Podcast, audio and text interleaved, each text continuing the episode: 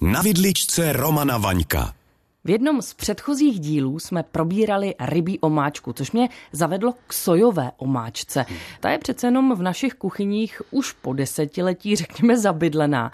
Ale co si na ní společně takzvaně Romane posvítit? Kde se vzala, jak se vyrábí? Sojová omáčka je světoznámá, že a používá se úplně všade.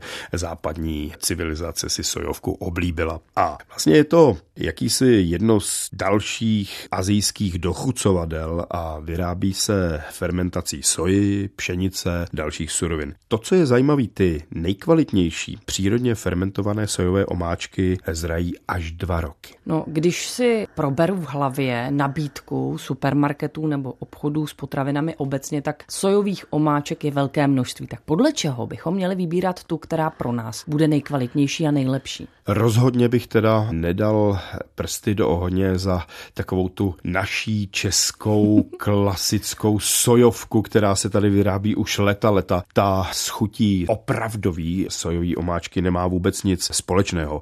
Sojovka, jak ji definovat?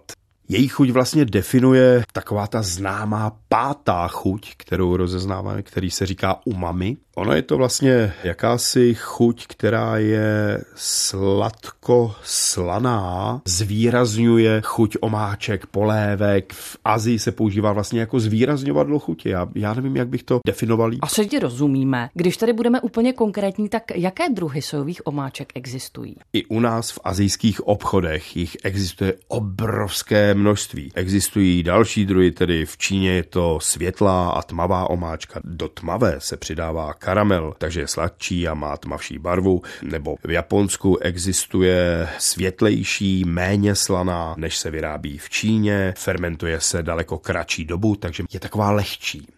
Nebo třeba tamary je tmavá, méně slaná, nepřidává se do ní pšenice, má silnou chuť. Taková ta, která je u nás i hodně známá, šoju, se nechává fermentovat až dva roky, aby se v ní rozvinula komplexita a chuť. Všeobecně vlastně dá se říct, že japonský sojovky jsou světlejší, sladší, lehčí, kdežto ty čínský jsou mnohem víc tmavé, hutnější a slanější. Aziaté přesně vědí, jakou kam použít použít. My používáme tu univerzální, jednoduchou sojovku a víc moc sojovky neřešíme. Abychom tady se dobrali k nějakému závěru pro českého uživatele, obecně se dá říct, když se půjdu koupit sojovou omáčku, budu vybírat tu, která je vyrobená v Azii. Řekla jsi to možná vlastně naprosto správně. A nejsou tak drahý.